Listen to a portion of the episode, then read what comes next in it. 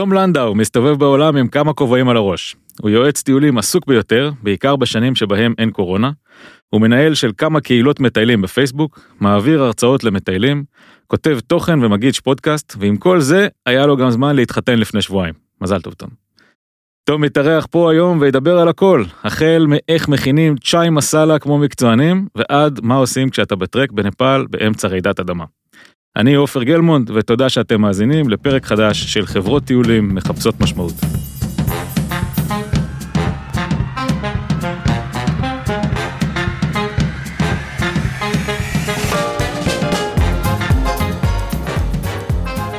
תום, אהלן, אהלן. ברוך הבא, תודה תודה. שעשית את המסע אלינו מיד אליהו ועד אה, כיכר המדינה. תודה, כיף להיות. אה, בוא נתחיל אה, עם הסיפור האישי שלך, תתחיל קצת עם. ספר לנו קצת על הרקע שלך, איך נקלעת לעולם הטיולים, אה, מה, מה עשית כמטייל, בוא, בוא נתחיל עם זה. אה, אז נקלטתי, זו הגדרה די טובה, האמת. אה, מה הסיפור שלי? אה, הסיפור שלי היה בכלל של אה, מתכנת. אה, הייתי אה, מתכנת בצבא, השתחררתי אחרי שש שנים ארוכות, וכל מה שרציתי זה לטייל קצת בעולם. שש שנים בצבא? שש שנים בצבא, איי, איי, אוקיי, כן, מה לעשות. כן. אה, והאמת שבכלל רציתי לטוס לאוסטרליה וניו זילנד, לא היה לי מספיק כסף, אז טסתי למזרח. וגם במזרח, רציתי לטייל בדרום מזרח אסיה, לא הייתה העונה. חשבתי שנפאל יהיה מגניב, אחרי זה התחלתי לקרוא על הודו כי הייתה ליד. בקיצור, התגלגלתי לאזור הזה בכלל, נקלעת בחיים- להודו, לא דמיינתי שאני אהיה בן אדם שמטייל בהודו. אוקיי. לא ידעתי מה יהיה שם, היה לי הרבה סטיגמות כמו שלהרבה אנשים יש. אה, זהו, והגעתי לטיול של אה, חצי שנה בנפאל והודו. אה, וכשחזרתי משם אה, מאוד התרגשתי לחזור הביתה, אה, להתחיל את החיים הבוגרים, התחלתי לעבוד בהייטק, עברתי לתל אביב, עזבתי את ההורים. תן ביס, סיבוס. תן-ביס, כן, אוקיי. כל הסיפור הזה. אה, ואני חושב שתוך כמה חודשים כבר עלה בי הרצון הזה לטוס שוב. ו... ולא כלום, זה הרגיש לי קצת כאילו פחות לגיטימי מלטוס פעם ראשונה לטיול אחרי צבא, קצת פחות רגיל. אה, אבל בסופו של דבר זרמתי עם זה, באמת, וטסתי לעוד חצי שנה במזרח. אה, שוב בעיקר בנפאל והודו, אבל גם תאילנד, מיינמר קצת. וואלה, ולא היה לך אה. התלבטות, אולי אה, בגלל שזה טיול שני, אז אה, לך למקום אחר וזה, חזרת בדיוק לאותם מקומות? אה, לא חזרתי לאותם מקומות, אותה- הייתי... כן, ב- טוב, אני מבחינתי הודו זה הודו, אבל... אה, כן, הודו זה עצום, כן. בהודו למשל טיילתי בדרום לעומת בצפון, כן. אה, בנפאל עשיתי טרקים אחרים. מיינמר לא הייתי לפני זה, אז אה, הטיול היה שונה, היו מקומות ספציפיים שחזרתי, אבל לרוב לא.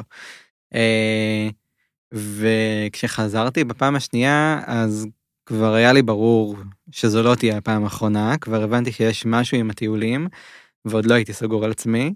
אני זוכר שכמה שבועות אחרי שחז- שחזרתי, אז אה, מישהי שאלה אותי מה אני עושה בחיים, אז אמרתי לה, אני מתכנת בעיקרון. פתאום נוסף הבעיקרון הזה. וואלה. אמרתי, רגע, מה זה? אה, וישבתי וחשבתי עם עצמי וניסיתי להבין, ו... ואחרי כמה זמן באמת הבנתי ש... ש... שאתה מה- צריך משהו ש... מעבר. ש... כן, שאני צריך משהו מעבר, שמשהו בטיולים קורה לי, אה, אז זה עוד היה פשוט בתור מטייל. כן. ו... זה אנחנו מדברים על איזה שנה? 2014? 2015? 2016 כבר. 16 כבר, אוקיי. אה, ובשלב הזה אמרתי אוקיי רגע אולי כאילו ניסיתי לחשוב על כל מה שאני עושה בחיים אמרתי אוקיי מה שאני באמת רוצה לעשות זה לטייל זה מה שמשך אותי העולם הזה. אה, במקביל שכחתי לציין באותם שנים אז בעצם התחלתי לנהל קבוצות פייסבוק למטיילים. אה, לפני אה, הטיול השני שלך. זה היה... זה היה איפשהו באזור הזה זה בשנים שבהם התחילו להיות קבוצות כאלה בעברית כן. בכלל. אה, אני זוכר ימים שישבתי אה, אולי קצת לא נעים להגיד אני ישבתי בעבודה בהייטק והיה לי עם שני מסכים כזה מקווה והיה שהבוס שלך מסך- לא אחד על התכנות ומסך שני היה פתוח על כל מיני דברים בדפדפן אבל מדי פעם הייתי עובר לפייסבוק לענות לשאלות של מטיילים והיה לי נורא נורא כיף כן. להתעסק בזה קצת אה, השאיר אותי בעולם הזה אה, והעזרה למטיילים הייתה מאוד מאוד כיפית. וכשהתכוננתי לטוס פעם שלישית אז זה היה קצת שונה כבר אמרתי לעצמי אוקיי אולי אני צריך לנסות רק לטייל אולי זה מה שאני צריך לעשות אז כבר להיות, התפטרת אה, מהעבודה? להיות, להיות נווד מה שנקרא. אוקיי. אז התפטרתי מהעבודה ומכרתי ציוד ובכל תרועה רמה ופתחתי בלוג ועשיתי מזה עניין גדול שאני הולך עכשיו להיות נווד ולטייל המון זמן. אה, וטסתי בפעם השלישית למזרח. אה, ו... וכמה זמן הטיול הזה נמשך? הטיול הזה היה קצת יותר קצר מאחרים, הוא היה ארבעה חודשים, משהו כזה. Uh, הסיבה שהוא התקצר זה שהצטרפה אליי חברה טובה לטיול. Uh, ולפני שבועיים היא נהייתה אשתי אז אה, אוקיי. העניינים התגלגלו משם בגלל זה חזרתי. טיול מוצלח. אוקיי. וזהו וחזרתי לארץ באמת בגלל הזוגיות שהגיעה פתאום בהפתעה. ולא היה לי מושג מה אני עושה עם עצמי אבל כבר ידעתי שאני לא חוזר להיות מתכנת בטח שלא במשרה מלאה. Uh, התחלתי לנסות להבין מה אני רוצה לעשות, חשבתי אולי לכתוב uh, תוכן, לאתר טיולים, רציתי לעשות משהו עם טיולים. Uh, זהו, ועשיתי איזשהו תהליך עם עצמי, שאחרי כמה חודש, חודשים הבנתי שאוקיי, מה שאני רוצה זה לעזור לאנשים לטייל, לקחתי את העניין של מה שקורה בקבוצות פייסבוק, רק לעשות את זה יותר לעומק. ומפה נולד, נולד העניין של הייעוץ טיולים, והאמת שכשהגיתי את זה אז לא היה לי מושג שקיים משהו כזה, לא הכרתי אף אחד אחר שעושה את זה כן. בשום מקום אחר בעולם. Uh, למרות שכבר היו במקביל כמה. יש אנשים uh, שעושים את זה, אני לא חושב שזה כל כך פופולרי בקרב uh, חבר'ה צעירים, אבל יש בהחלט הרבה יועצי טיולים. ב, כן, יודע, אבל, ב... אבל אפילו לא רק לתרמילאים, לא כאילו, לא, כן. בכלל לא הכרתי את זה באופן כן, הגעת, כללי. הגעת לזה מכיוון אחר לגמרי. כן, כן, הגעתי לזה ממקום אחר לגמרי. ו... וכשהתחלתי לחשוב על זה אז uh, באמת חלק מזה היה להגדיר את קהל היעד להגיד אוקיי מה אני עושה ולמי אני מייעץ. Mm-hmm. Uh, והיה לי ברור שאני רוצה לייעץ לתרמילאים. Uh, כי זה הסוג של הטיול שאתה מכיר. ו... כן לא רק היה לי ברור שאני רוצה לייעץ לכולם אבל גם לתרמילאים אני חושב שלייעץ okay. אוקיי. למשפחות וקהל מבוגר יותר זה כאילו זה, זה קצת יותר ברור מאליו שזה משהו שיכול לעבוד עסקית. Mm-hmm. אה, היה לך, דיבר אליך הימור בזה שאתה הולך לקהל שלא ברור ש... לא שדיבר אליי ההימור, פשוט כאילו, היה לי ברור שאני רוצה גם וגם. גם, okay. אוקיי. אגב, במידה מסוימת, אולי בעיקר טיילתי כתרמילאי, אבל ההורים שלי הצטרפו אליי כמה וכמה פעמים במזרח למשל, ועשינו ל... טיולים כן. קצרים, אז היה לי איזה ניסיון גם קצת בטיולים קצרים יותר ובדרך שבה עושים את זה לא התרמילאים. אה, ו... זהו, והחלטתי לנסות את זה, גם, גם עם התרמילאים, גם עם מטיילים שהם לא תרמילאים. Uh, הרבה אנשים לאורך הדרך אמרו לי שאני קצת משוגע ותרמילאים בחיים לא ישלמו כסף למישהו שיעזור להם לתכנן. Uh, אז uh, הוכחתי להם שהם טועים כן. בסופו של דבר. כן. תוך כמה זמן זה תפס הסיפור הזה זה זאת אומרת מהרגע שאמרת שאתה מתחיל איפה, איפה פרסמת את זה בעצם בקבוצות שלך בפייסבוק. כן אז החלק היפה פה באמת זה שכבר כלומר לא התחלתי מאפס לא באתי בן אדם אה, לא מוכר כן. שאומר אוקיי אני מבין בהודו ואני רוצה לתכנן טיולים אלא באתי כבר אה, בן אדם שאנשים מכירים אותו שאני כבר שנים עוזר למטיילים בפייסבוק. אה, ובאמת עוד לפני שפתחתי את העסק השקעתי המון המון זמן מהיום יום שלי כדי לעזור לאנשים לתכנן טיולים לטייל לא אגיד לך ש... יצא לי המון פעמים, אתה יודע, ממש לשבת עם בן אדם שעתיים, אבל היו כמה פעמים כאלה שאתה יודע, איזה כן. חבר שטס, אתה נפגש איתו, כן, כן, אתה מכיר את זה בטוח. כן, אה, אז, אז משם באמת התחלתי לקבל את המושג הזה, שזה משהו שמעניין. ו, ובאמת כשיצאתי עם זה, אז היה עניין, אה, זה, יש פה משהו קצת אה, אה, מסובך בזה שאתה מנהל קבוצת פייסבוק למטיילים, ואין לך עסק שקשור בתחום. ופתאום אתה יוצא עם עסק. כן. ואתה, ואתה צריך גם להגדיר לעצמך את גבולות הגזרה. רגע, אז בוא נדבר רגע אה, לפני uh, זה, כי נראה לי שהנושא של הקהילה בפייסבוק הוא, הוא נושא ש... נקרא לזה טעון בירור. בוא, בוא נדבר okay. אוקיי. מה זה בכלל אומר uh, למי שלא מכיר, מה זה אומר ניהול קהילה בפייסבוק, ו... ואז ניכנס לצדדים החיוביים והבעייתיים שבסיפור הזה. בעיקר חיוביים אני מניח, אבל כן. כן, יש, גם, יש גם קצת בעייתי. אז מה זה, מה זה בכלל קהילה בפייסבוק ומה זה אומר לנהל קהילה? אה, טוב קודם כל טכנית זה קבוצה בפייסבוק אני חושב כן. שקהילה זה נהיה קצת buzzword כזה בשנתיים האחרונות בצדק לא, ברוב המקרים כן mm-hmm. לא חושב שכל קבוצה בפייסבוק היא קהילה אבל כן. אני חושב שיש הרבה מאוד קבוצות שאפשר להגדיר אותם כקהילות ואני חושב שמה שמגדיר אותה כקהילה זה בעצם זה שזו, קהילה כמו במציאות. שזה אותם כמו... אנשים שנוכחים שם לאורך זמן אם אתה עם קבוצה שמתחלפת כל הזמן אז בטח זה פחות קהילה מאשר זה סתם הנחה שלי. אני, אני חושב שזה גם תורם לזה אה, במקרה של טיול בהודו אגב זה מאוד מאוד בולט לעומת מדינות אחרות כי הודו זה מדינה של המטיילים יש נטייה לחזור אליה שוב כן. ושוב. אה, כלומר יש הבדל משמעותי בין קבוצה של הודו לבין קבוצה של מיינמר לצורך העניין. ששם אתה רואה אנשים פעם מגיעים אחת פעם אחת. ואולי מישהו יבוא פעם שנייה אחרי כמה שנים אולי. הודו אתה יכול לראות את זה עכשיו בתקופת הקורונה אנשים באטרף כאילו לקחו להם את המנה כן. מתי פותחים את הודו כל יום מלא שאלות כאילו כן. לא יכולים בלי זה. כמה אה, כמה קהילות אה, אתה מנהל היום?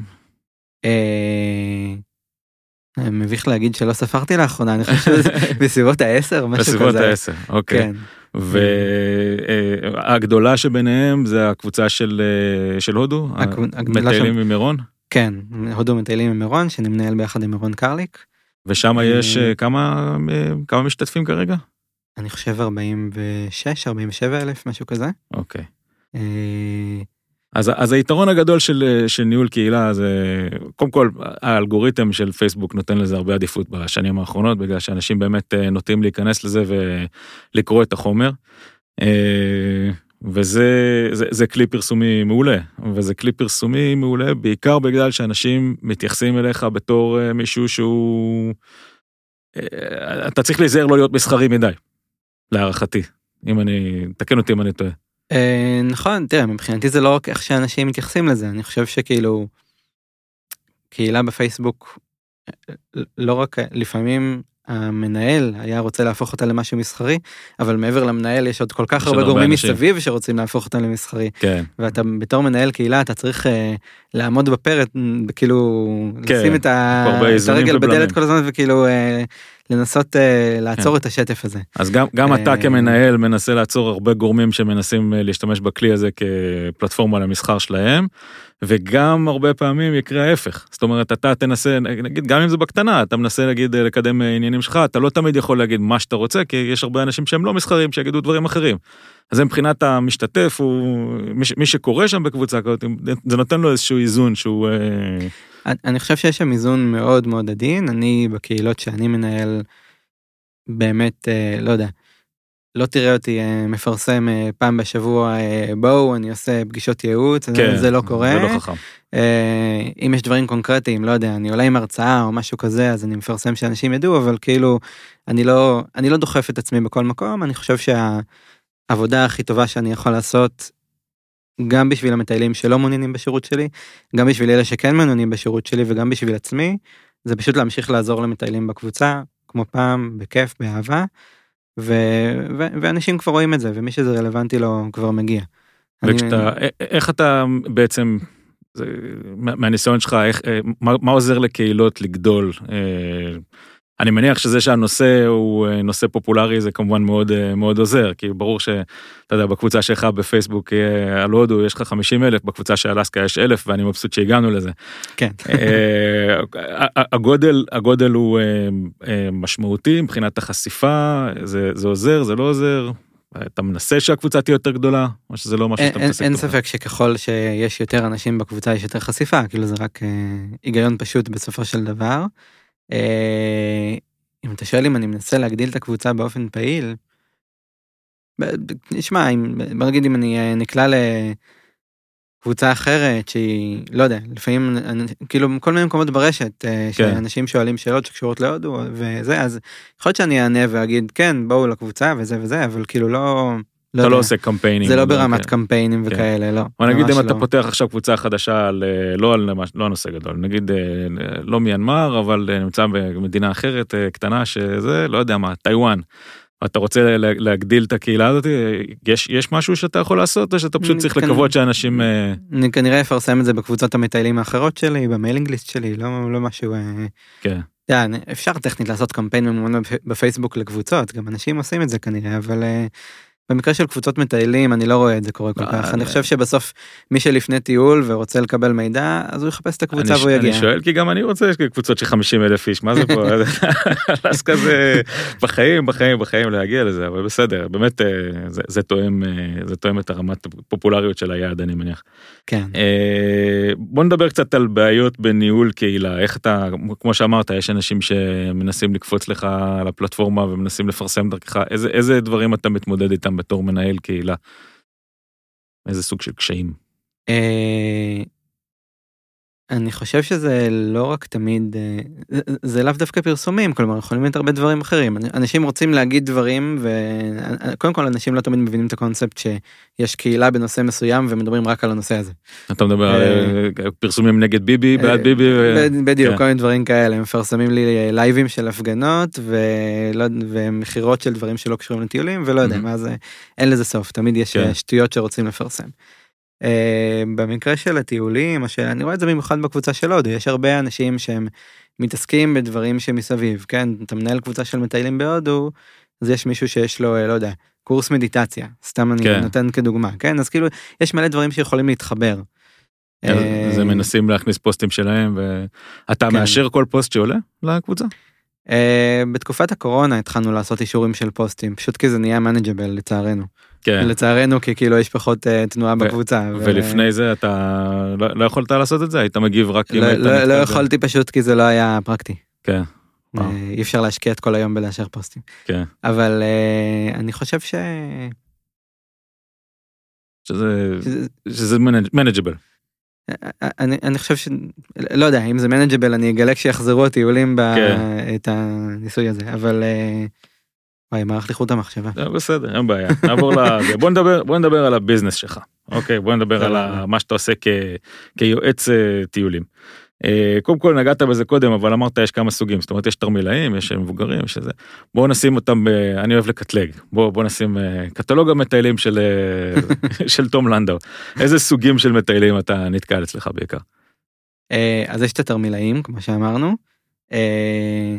אה, אני חושב ששני הסוגים הגדולים זה התרמילאים וכל השאר, כלומר, אה, משפחה ולא יודע, זוג פנסיונרים וכאלה, זה כבר סוג הטיול הוא די דומה. למרות שיש גלישות לפה ולפה, כן, יכול להיות לי פתאום אה, בחור בן 60 שטס לחצי שנה ומטייל בתקציב נמוך, ומשפחה שטסה עכשיו לשנתיים, ולא יודע מה, יש כל מיני דברים כאלה. ההפרדה אבל, אה, ההפרדה העיקרית זה לפי האם הטיול הוא באמת מתוכנן פר יום או אם הוא לא מתוכנן נגיד תרמילאי נוסע לחצי שנה. אתה לא מתכנן לו כל יום בטיול אתה נותן לו כמה יעדים אם אתה אם או- אתה עושה טיול משפחה של איזה חודש חודש וחצי אתה יכול להיות שאתה תגיע לרמת פירוט הרבה יותר גבוהה נכון בדיוק, ההפרדה הגדולה היא באמת לפי אורך הטיול וכמה הוא מתוכנן. אה, בטיולים תרמילאיים אז באמת הרעיון הוא לשבת ולדבר על הדברים באופן כללי. אני חושב שהרבה תרמילאים כשהם שומעים על העניין של תכנון טיול אז זה נראה להם לא מובן קצת למ, מה זה למה צריך לעשות את זה יש את ה... אה, אה, את ה... לא, לא מצא את המילה המדויקת אבל את האידיאל הזה של אה, אתה יודע לקחת את התרמיל ולצאת כן. לטיול בלי לדעת כלום ולזרום. כן. אה, בפועל היום זה לא באמת קורה. כלומר, ברגע אחד שאתה לא מגיע באמת זורם להוסטל באמת. הראשון אתה כבר אה, תקבל אה, מה- מהאנשים שיושבים שם את כל ההרצאות על מה שיש לעשות באזור. ו- אה, לא רק זה, גם אנשים אומרים שהם לא מתכננים, אבל מצד שני הם חופרים בקבוצה בפייסבוק לפני זה ושואלים Mhm. חברים וזה וזה, אז כאילו, אני חושב שהיום אנשים כן מנסים לקבל מידע מראש, וזה מה שאני מנסה להעביר לאנשים גם, של לקבל מידע מראש ולצבור, לרכוש את הידע, זה לא דווקא אומר אה, לתכנן, כאילו יש להתכונן ויש לתכנן. נכון.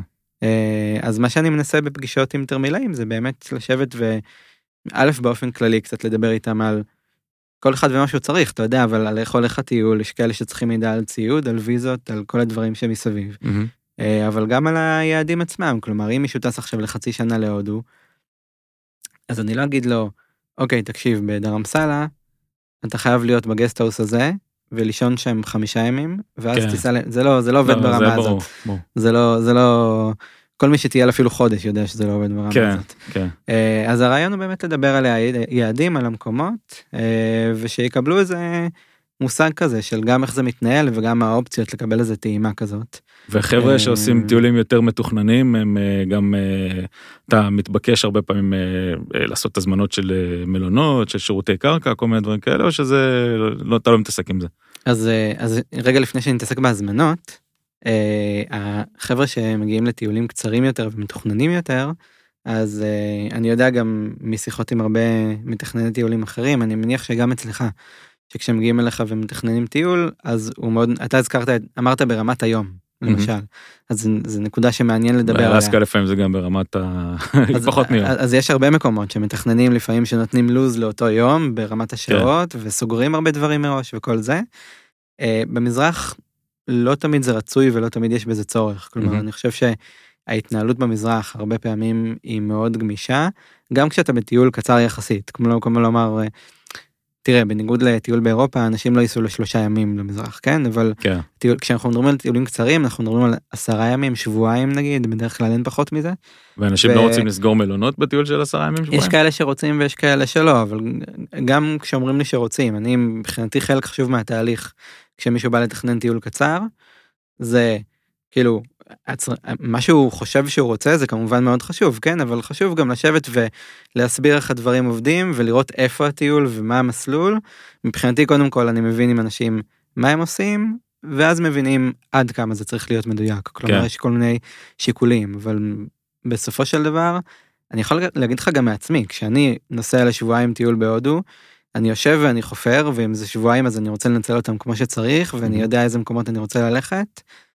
ובסוף זה אף פעם לא כמו שזה היה אמור להיות בהתחלה. כלומר, אני תמיד אה, משנה דברים, מזמין טיסות פנים תוך כדי אה, אבל אז, אבל אז. ה downside של זה זה שאתה צריך להתעסק עם אה, לוגיסטיקה תוך כדי הטיול. ה downside היא שאתה- שאתה צריך להסתכל, כן, להתעסק בלוגיסטיקה תוך כדי הטיול, אבל ה upside זה שאתה יכול להיות גמיש באמת, כי אני חושב שבהודו, א', יש דברים לא צפויים הרבה פעמים, ברור. כלומר פתאום דברים יכולים להשתנות והנסיעה תיקח יותר וזה לא יעבוד ותגלה משהו חדש וכל מיני כאלה. כן.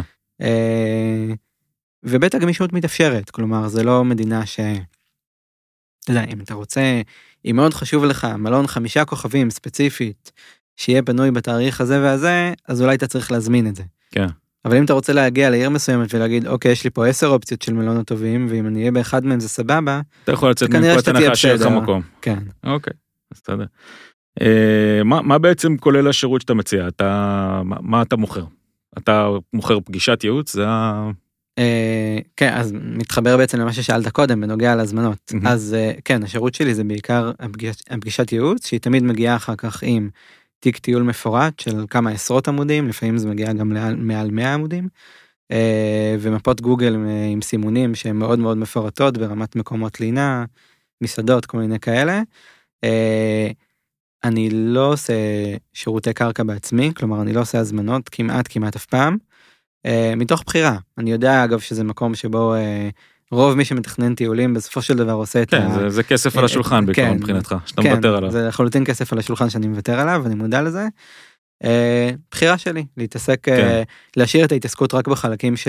שעושים לי כיף. אני חושב שזה גם, כי זה גם אף פעם לא התעסקות אחת. כן, כלומר, זה לא, הופך את ההתעסקות עם הלקוח לאחרת לגמרי. אם אתה מעביר את ה... אה. מהדרגה, או לא יודע אם לקרוא לזה עולה, אבל עובר מהמקום של ייעוץ טיולים למקום של אה, גם לעשות אופרציה, אז אתה נכנס לרמת מחויבות אחרת מבחינת, ה... מבחינת השירות שאתה נותן למטייל, ואתה גם אה, צריך לתת תמיכה תוך כדי, ואתה צריך... נכון. הרבה- תראה, תמיכה תוך כדי אני נותן בכל מקרה, כלומר, הלקוחות שלי יודעים שהם יכולים לפנות אליי. ולדבר איתי לפני הטיול, תוך כדי הטיול, מתי שהם רוצים. אני גם עוזר עם בעיות הרבה פעמים תוך כדי, כן? כן, אבל הם לא יבואו אליך בטענות אם אין אה, בריכה במלון או דברים כאלה, או אם הבריכה בדיוק סגורה. קודם כל, גם אם המלצתי להם אז, אה, והם לא אוהבים את המלון, אז הם יכולים לבוא בטענות, כן? זה כבר אוקיי. קרה גם, כן? כן. אבל אה, לבוא בטענות תמיד אפשר. אה, זה ברור, מומלץ. כן, אבל אה, אבל זה קצת אחרת. תראה, יש לי המון אה, אנשי קשר והמלצות ל- למסעדות ומדריכים ונהגים וכאלה, וכאילו, כן קורה לפעמים שאני עוזר להם ליצור את הקשר עם מישהו. כן. עם מדריך שאני עובד איתו, עם מלון שאני עובד איתו הרבה, כל מיני כאלה. אז אה, אתה בעצם, אז יש לך איזה זה לא מדריך, ב- יש לך איזה מדריך ברישיקש שאתה אוהב לעבוד איתו, שפעם אה, נתת, כי קיבלת ממנו שירות טוב, אתה שולח לו לקוחות ישראלים, ואתה לא רואה מזה כלום? מדהים, כאילו, אה, זה, ברוב המקרים אני לא רואה מזה כלום, יש מקרים ספציפיים שיש לי הסדרי עמלות באמת. ו... כן, תראה, זה, אם יש לך הסדר עמלות עם כל אה, איש קשר בנפרד, אז זה, בלתי אפשרי לנהל את זה ב... כן, כאילו, ברור, אה, אתה בסדר. לא יכול לעשות- לעשות מאות הסדרי עמלות, זה לא, זה לא מנג'בל. אה, אתה יכול, אבל כל- כל הודי להתחיל לרדוף אחריו ולוודא שאתה מקבל את זה, זה כבר בעיה אחרת, כן. אני מניח. אז אני, אני בוחר את המקומות שבהם שאני רואה שהם מוצלחים במיוחד, ואני שולח אליהם שוב ושוב, וכאילו זה כן. נקודה חמה כזאת, ו, ושם אני עושה את זה. אה, אני רוצה לחזור משהו שאמרת, שקפץ לי לאוזן, אתה עושה תיק טיול לכל אחד מהייעוצים שאתה עושה, זה תיק טיול אה, מותאם או זה תיק טיול שאתה נותן כאילו כמו איזה ספר שהכנת ואתה פשוט אה, נותן את אותו ספר לכולם? אה, יש לו איזה בסיס מן הסתם, כלומר, אתה יודע, יש לי, אם אני, מישהו אה, מגיע לדלי, אז יש לי את כמה עמודים המוכנים על אה, אבל יש שינויים קטנים כל פעם, כלומר, כן, יש... אתה עושה התאמות לזה. כן. אנשים לא, אני לא יודע אם מי שישמע את זה יכיר את הזה, אבל אני, אני מאוד רגיש לעניין הזה, כי זה וואחד צוואר בקבוק אצלנו בהכנה של הטיולים. אם לא ה. אז אה, אני השקעתי המון בתוכנה שתעזור לי לעשות את התיקי טיול האלה וזה, איך אתה עושה את זה? אתה פשוט עושה את זה בקופי פייסט מוורד כל פעם? אה? Google Drive לא משהו יותר מתוחכם מזה זה גם נקודה אה, זה, זה גם נקודה אצלי שאני חושב עליה הרבה כלומר אתה יודע אני גם בן אדם טכני במקור כן. אז כאילו יש לי הרבה מחשבות על. איך לעשות את זה משהו כמו שצריך אני גם מכיר יועצי טיולים אה, בארץ שלקחו את זה מאוד מאוד רחוק וכאילו ועשו מערכות כאלה. כן. סיוט. אה, זה סיוט כן תראה קודם כל כמי שבא מעולם התוכנה אני יודע כמה זה סיוט להתעסק עם דבר, דבר כזה וכאילו כן. כמה אני אצטרך להתאמץ כדי להגיע למצב שזה משהו שבאמת עונה על הצרכים שלי כמו שצריך. אה, אני חושב שאנחנו התחלנו לעבוד על התוכנה הזאת בטח נראה לי 2016 ועכשיו 2021 ואנחנו עכשיו מגיעים לנקודה שבה זה מתחיל לעבוד כמו שזה אמור להיות. אה, עבד גם לפני זה אבל זה היה מאוד מקרטע וזה ועכשיו אה, וזה פשוט אה, מתסכל כי באנגלית יש הרבה מוצרים שיכולים לפתור את הדבר הזה ובעברית פשוט אין אז אה, כל אחד בונה לעצמו מה שהוא יכול וזה סיוט אבל אתה כשאתה נגיד היית בשיא התפוקה שלך מבחינת ייעוץ אה, נגיד אנחנו מדברים על 2019 כשעברת לפול טיים כן. לדבר הזה אז איזה היקף של ייעוצים עשית כמה כמה היית עושה בחודש. שאמרת לי פעם את המספר הזה אבל. כמה הייתי עושה בחודש? תראה זה גם נורא משתנה לפי עונות השנה מן הסתם אבל אני חושב ש... בשיא העומס בזה. אני חושב, אני חושב, ש... אני חושב שהיה 30 ו... 30 ו... משהו כזה. ואתה עובד לבד. ואני עובד לבד. ואתה מכין להם תיק טיול לכל אחד. כן. fucking איי, סליחה על ה... זה, זה המון עבודה. זה המון עבודה, כן. המון המון המון המון עבודה. אה, בסדר סבבה אה, אפרופו אוטומציות ועניינים כאלה אתה גם מתעסק עם זה בדברים אחרים ראיתי שעשית איזה שפיתחת איזה משהו שקשור ל-CRM איזה משהו שעשית בארטייבל ראיתי באחת הקבוצות שכתבת על זה. זה, זה אה, קח חשבון שהקהל של המאזינים הוא כאילו ברובו אני מניח קשור לתעשייה זה בסדר אתה יכול לדבר על. כן טוב האמת שזה מתחבר ישירות למה שאמרת לפני רגע על העניין של הזמן כלומר כשיש לך 30 פלוס יוצאים בחודש. חודש ולכל ייעוץ אתה צריך להכין מפה ותיק טיול. וצריך לדבר עם לקוחות פוטנציאליים ולנהל 10 קבוצות פייסבוק. אז אתה מאוד רגיש לכל דקה שלך ו... אז כן אז פיתחתי לעצמי כל מיני דברים שהם שעוזרים אם זה בניהול של התוכן שאני מעלה לפייסבוק אם זה בניהול של הלקוחות שזה CRM בעצם כל מיני אוטומציות קטנות הגעתי למצב שיש לי לא יודע לקוח קובע איתי פגישה וכבר יש לי לא יודע יומיים לפני זה הוא מקבל במייל תזכורת חמישה ימים לפני הטיול שלו אני מקבל תזכורת לשלוח לו וואטסאפ כאילו ממש עשיתי מעין תהליך שלם כזה של עבודה עם הלקוח שהוא כמה שיותר אוטומטי או לפחות כמה שיותר תזכורות שאני אדע תמיד uh, מה קורה. אני מניח לא יודע כמה חשבת על זה ברצינות אבל uh, אני מניח שזה גם משהו שאתה יכול uh, למנף אותו אחרי זה בעתיד כש, כשהביזנס יחזור אחרי הקורונה ואנשים יהיו עמוסים הרבה חבר'ה בתחום שלנו uh, יצטרכו עזרה ב... אתה יודע, ייעול תהליכים ודברים כאלה. כן. לדעתי זה... זה משהו שאם חשבת לעבוד פעם b2b לעשות דברים כאלה אז זה, זה, זה משהו שעשיתי, שעשיתי ואני עושה אותו עכשיו קצת בתקופת הקורונה לא רק אם יצא לי אגב גם עם uh, יועץ טיולים אחד לעשות את זה אבל אבל לא רק זה כן. אתה יודע זה לעסקים קטנים באופן כללי הדברים האלה מאוד מאוד שימושיים. הבחור רב פעלים. כן. אז כן עכשיו עכשיו כשאין uh, טיולים כמעט אז uh, פניתי לכיוון הזה באמת באופן זמני. כן. טוב רגע הפסקה קטנה uh, הגענו לזמן שבו אני אומר כמה דברים שהם uh, לא בהכרח קשורים אחד לשני אבל הם חשובים. Uh, הכי חשוב אם אהבתם את הפודקאסט בחייאת דינק תלחצו בבקשה פולו באפליקציה שבה אתם מאזינים אתם כבר יודעים למה, אבל אני אגיד בכל זאת, כי גם אני וגם אתם וגם האפליקציה, אתם רוצים שאנחנו כולנו רוצים שתאזינו למה שמעניין אתכם. ואם לוחצים follow, תוכלו להתעדכן בכל פעם שיוצא פרק חדש. דבר שני, יש עוד מקומות שבהם אפשר לקבל עדכונים על הפודקאסט, כמו למשל עמוד הפייסבוק שלנו, שנקרא חברות טיולים מחפשות משמעות. כל הפרקים זמינים גם שם, גם בערוץ היוטיוב שלנו וגם באתר שלנו, שהכתובת שלו היא עופרגלמונד.com. חוץ מהפודקאסט, באתר הזה תוכלו למצוא גם את כל החומרים שאתם יכולים לחשוב עליהם שקשורים לטיול לאלסקה ולמערב קנדה, שזה מה שהחברה שלי עושה. אז אם אתם בעניין, מוזמנים להיכנס לאתר, לחרוש, לקבל רעיונות, לדבר איתנו, נשמח להוציא את הטיול שלכם לפועל. וכל המקדים הרי זה משובח, כי הקיץ כבר ממש מעבר לפינה והעונה מתחילה עוד שלושה חודשים, ואלסקה תהיה פתוחה בקיץ, בניגוד לשנה שעברה. זהו, טוב, בוא נמשיך לדבר. אה, טיולים, טיולים למזרח.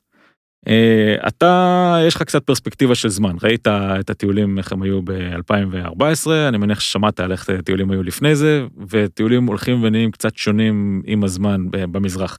איך, uh, איך אתה רואה את ההבדלים בין הטיולים היום לבין איך שהיו, אנשים היו מטיילים בעבר? אני, אני שואל בתור בן אדם שטייל בנפאל ובטיבט לפני 23 שנה. אז אה, מבחינתי כאילו מגיעים להוסטל ואין שם הרבה מעבר לזה איך אנשים מטיילים. אז בוא אז בוא רגע אני אשאל אותך איפה איזה טרק עשית בנפאל לפני 23 שנה. היו שלושה היו, היו שלוש אפשרויות אה, היה את האגמים הקפואים היה את האברסט Base Camp והיה את האנפורנה באנפורנה אנשים חלק היו עושים את ה-ABC את האנפורנה Base Camp וחלק היו עושים את ה-Around אני עשיתי את ה-Around. אוקיי ואיך היה ב-Around מבחינת. אה, לינה, אוכל, תקשורת. היו טיהאוסים כאלה, אתה הולך כל יום, אה, יש לך בסוף היום טיהאוס כזה, איזה בית חמוד כזה, שאנשים היו מביאים אליו אה, את האספקה, הנפאלים סוחבים את האספקה על הצוואר, לא על הצוואר, למצח, אה, עם החבילות הענקיות שלהם. היינו מאוד מופתעים שהיה שם קולה כל פעם, גם במקומות הכי נידחים, אבל אינטרנט לא היה מה לדבר, אנחנו מדברים פה על שנת 98, אז אצלי בבית ביוקנעם בקושי היה אינטרנט, אז... ואיך זה היום? איך זה נראה היום? אה, אז אה, אני הנחתי שתדבר על הסובב הנפורנה גם בגלל זה שאלתי כן. הסובב הנפורנה הוא אחת הדוגמאות הטובות לשינויים.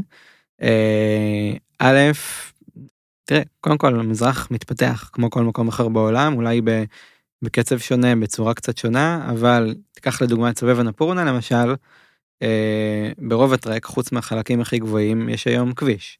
מה זה כביש? זה דרך עפר לרוב, כן? של ג'יפים כזה. וואלה. דרך חתחתים לאורך אה, מצוקים. אבל עדיין אתה? אתה יכול להגיע עד גובה 3500 עם הג'יפ. לא, אנשים לא עושים את זה, כן? כן. לא באמת מגיעים עד 3500 עם הג'יפ, אבל אפשר. אבל, אה... אבל כשאתה הולך במסלול עצמו אתה חשוף לדרך עפר הזאת? אז כאילו אתה צריך אה, לזוז הצידה כי יש ג'יפים או שזה... תלוי בך, יש גם שבילי הליכה מקבילים. אוקיי. אה, אבל... אה...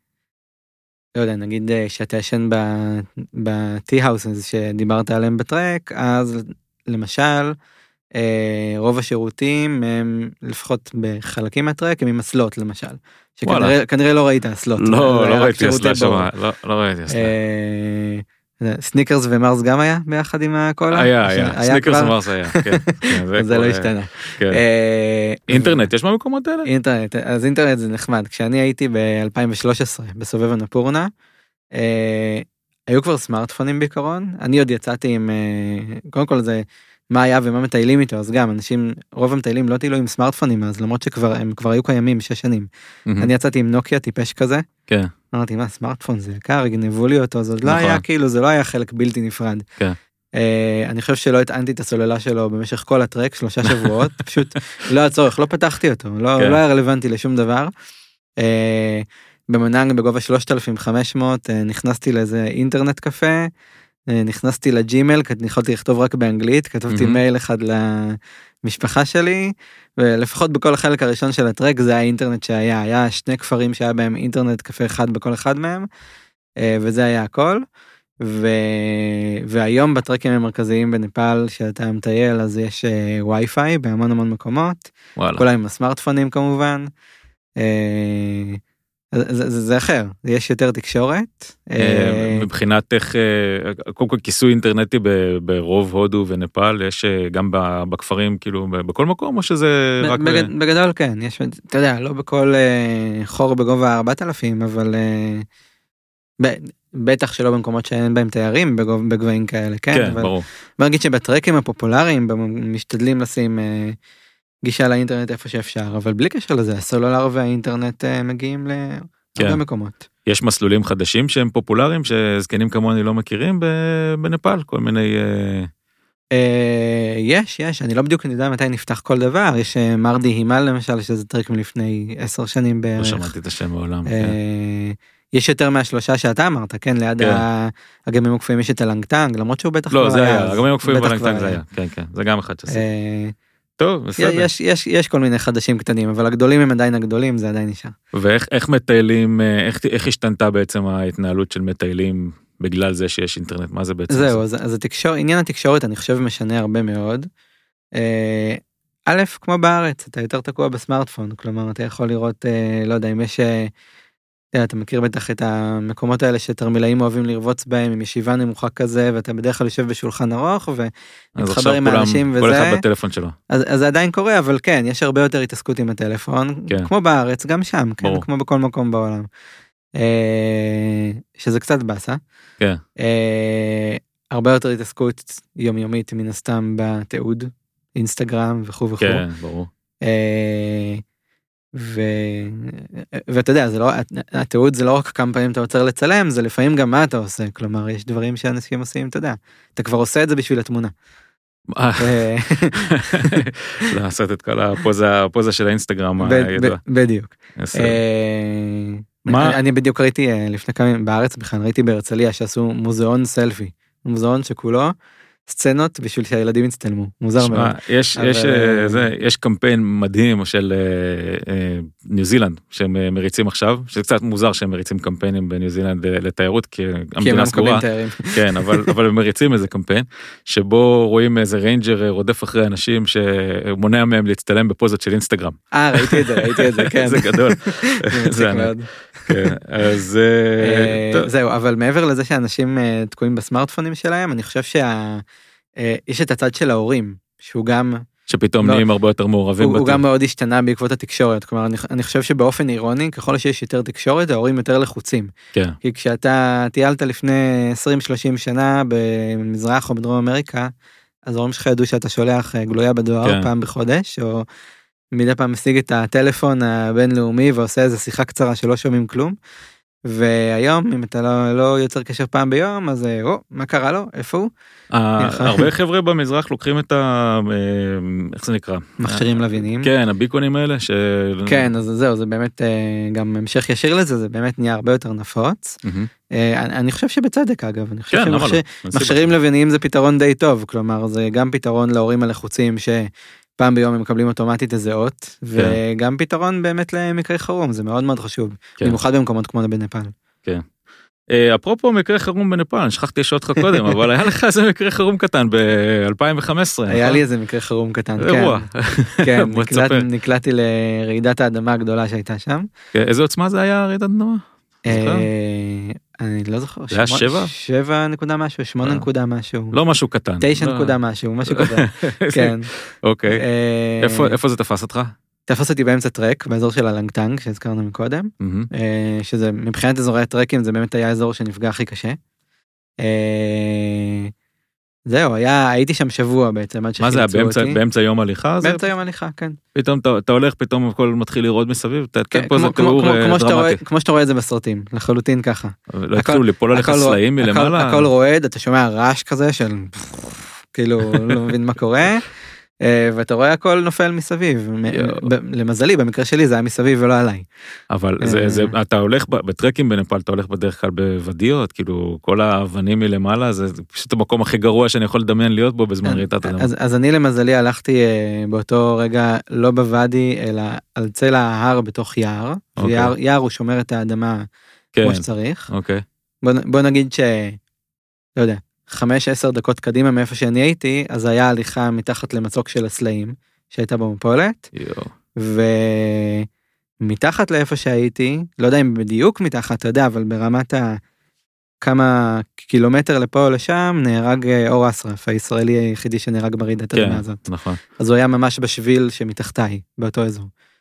וואו. אז אה, זה ממש אה, זה רגעים כאלה גורמים לך להבין שהכל עניין של מזל וכאילו אתה יודע, היו, כל כך הרבה נקודות החלטה במהלך הטרק הזה שאמרתי אם היית אם, אם הייתי. מחליט ככה אם לא הייתי נשאר עוד לילה פה לנוח אז הייתי שם אם לא הייתי. עוצר פה לדבר בטלפון אז הייתי עשר דקות שם. טוב, בסדר. כל מיני דברים. קטנים זה- בתור אה, כל מי שגר ב- כל מי שגר בתל אביב בתקופת האינתיפאדה השנייה, אני מניח חשב אותו דבר גם. כן. אה, אבל אה, היה גם, אני מניח, אתה אומר שחילצו אותך שבוע אחרי זה, היה Mhm. לך בטח שבוע כאילו של רעידות משנה, זה לא, הרעידה הראשונה זה סבבה, עבר בסדר, יופי, הרעידות משנה יכולות להיות גם כן מפחידות. כן, כן, היה שבוע של המון המון רעידות. אה, למזלי הייתי עם עוד חבורת תיירים אה, מאוד נחמדים, והיינו בפאתי איזה כפר, ישנו שם באיזה אוהלים מאולתרים. אז מהרגע, מהרגע שהדבר הזה. קרה, ירדתם לכפר הזה ונשארתם שמה, או שעוד המשכתם אה, תנועה לאורך המסלול? בוא נגיד שברגע אחרי שהרעידה קר- קרתה, אז עוד לא כל כך הבנו את המשמעות של הדברים, וכאילו ניסינו להמשיך, אבל אז, כמו שאמרתי לך, חמש דקות אחרי זה שהגענו לאזור של המפולת, אמרנו, אוקיי. כן, בזה נגמר הטרק, ובזה נגמר הטרק, בואו חוזרים אחורה לכפר שעברנו לפני רבע שעה, נשארים שם. והכפר עדיין עמד על אה, תילו, או שזה... אה, לא כל הבתים בכפר, אבל אה, אנחנו נעצרנו ליד איזה גסטהאוס שהיה רציני כזה, שנשאר.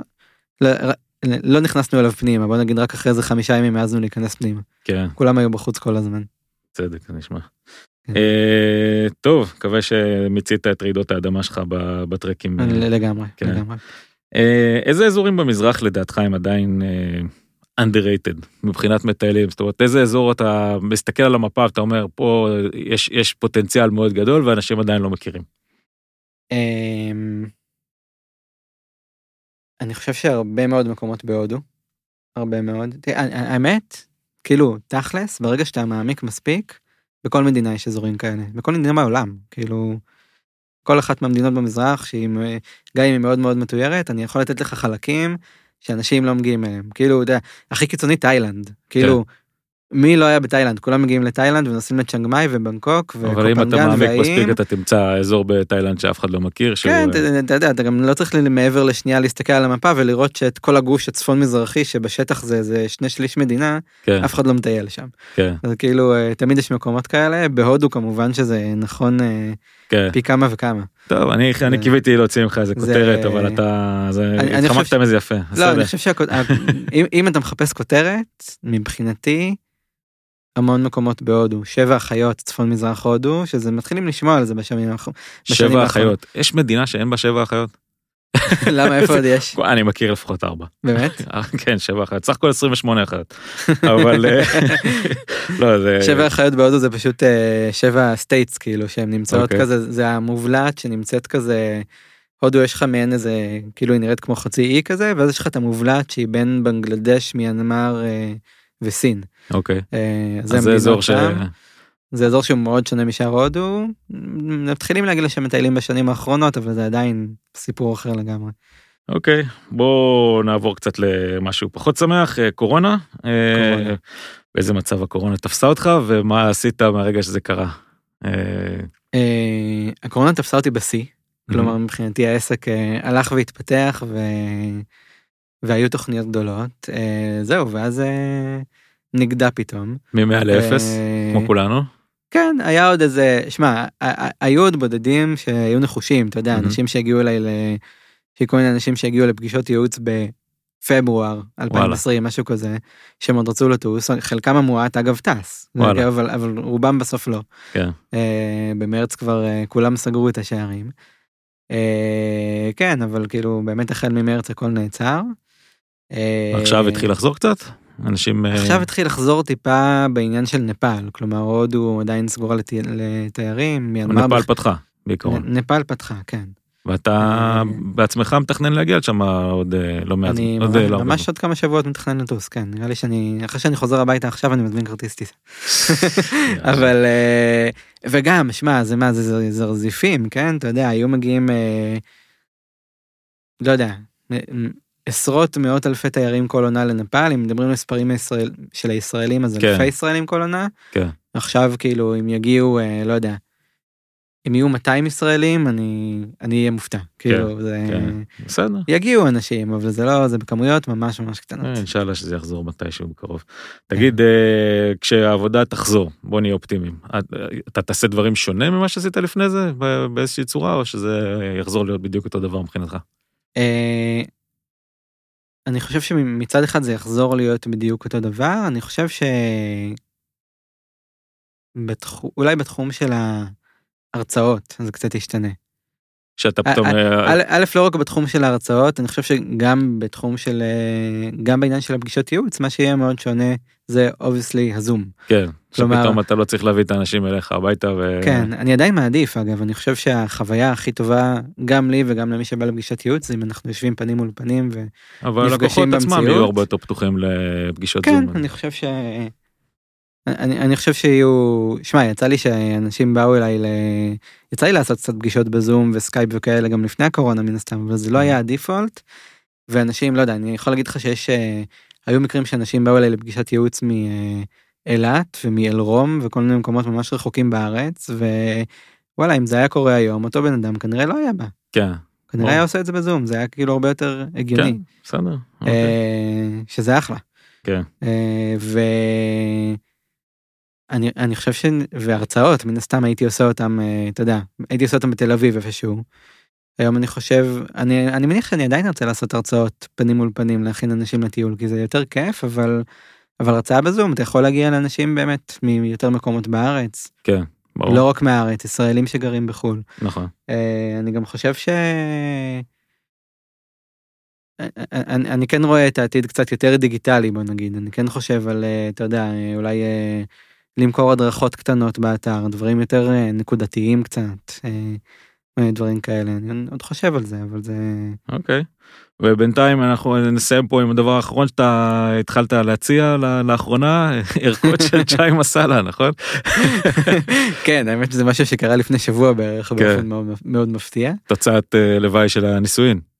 אה, לא, לא בדיוק סתם כן. אה, סתם קרה בדיוק באותו זמן אבל אה, לא, אני ראיתי שכתבת שיעל שכנעה אותך פשוט. אה נכון כן אבל יעל לא הגיעה לפני שבועיים יעל כן. יעל הגיעה לפני ארבע וחצי שנים אז זה לא נכון, באמת קשור נכון, לנישואים. נכון.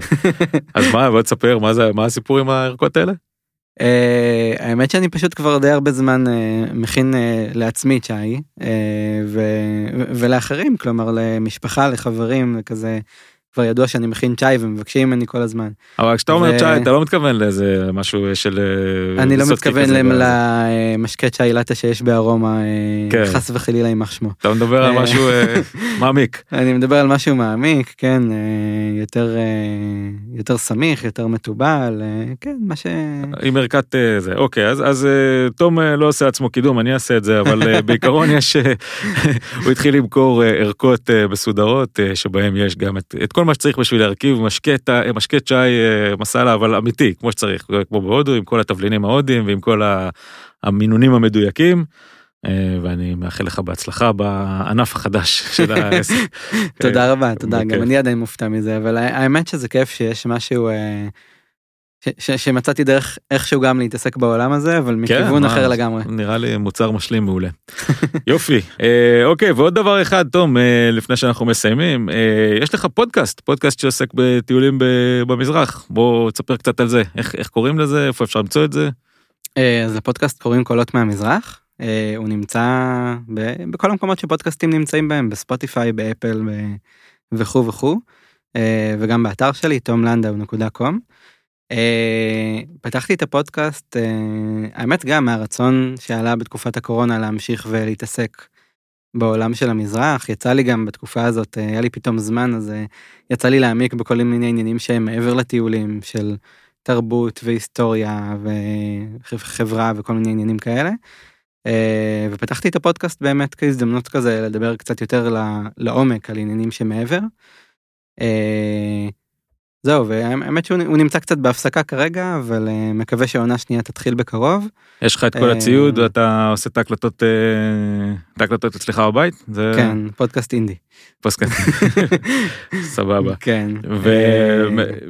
ואתה מראיין או שאתה... איך, איך זה הולך? מה המבנה של הפודקאסט? עד כה עשיתי שני פרקים שבהם הייתי לבד ועוד שני פרקים שראיינתי אז, אוקיי. אז, אז, אז זה משתנה יש לי אני, אני רואה יתרון גם בלדבר על אה, כל מיני נושאים בעצמי וגם לראיין כל מיני אה, מעולה. אנשים מעניינים אז אני עוד מתכנן להביא כל מיני אה, אנ- אנשים שגם אנשים שקשורים לעולם הטיולים גם שגרירים אפילו אנשים שהם וואלה. מעולם ההיסטוריה מעולם התרבות. אה, וואלה. יש לי הרבה תכנונים מעניינים להמשך. טוב, על הכיפאק, יאללה. שמח שיצא לנו לדבר גם על זה. אה, חבר'ה, הפודקאסט של אה, תום, קולות מן המזרח, בכל הפלטפורמות הרגילות של פודקאסטים. תום, תודה רבה שבאת, היה כיף, נהניתי מאוד. עד הפעם הבאה,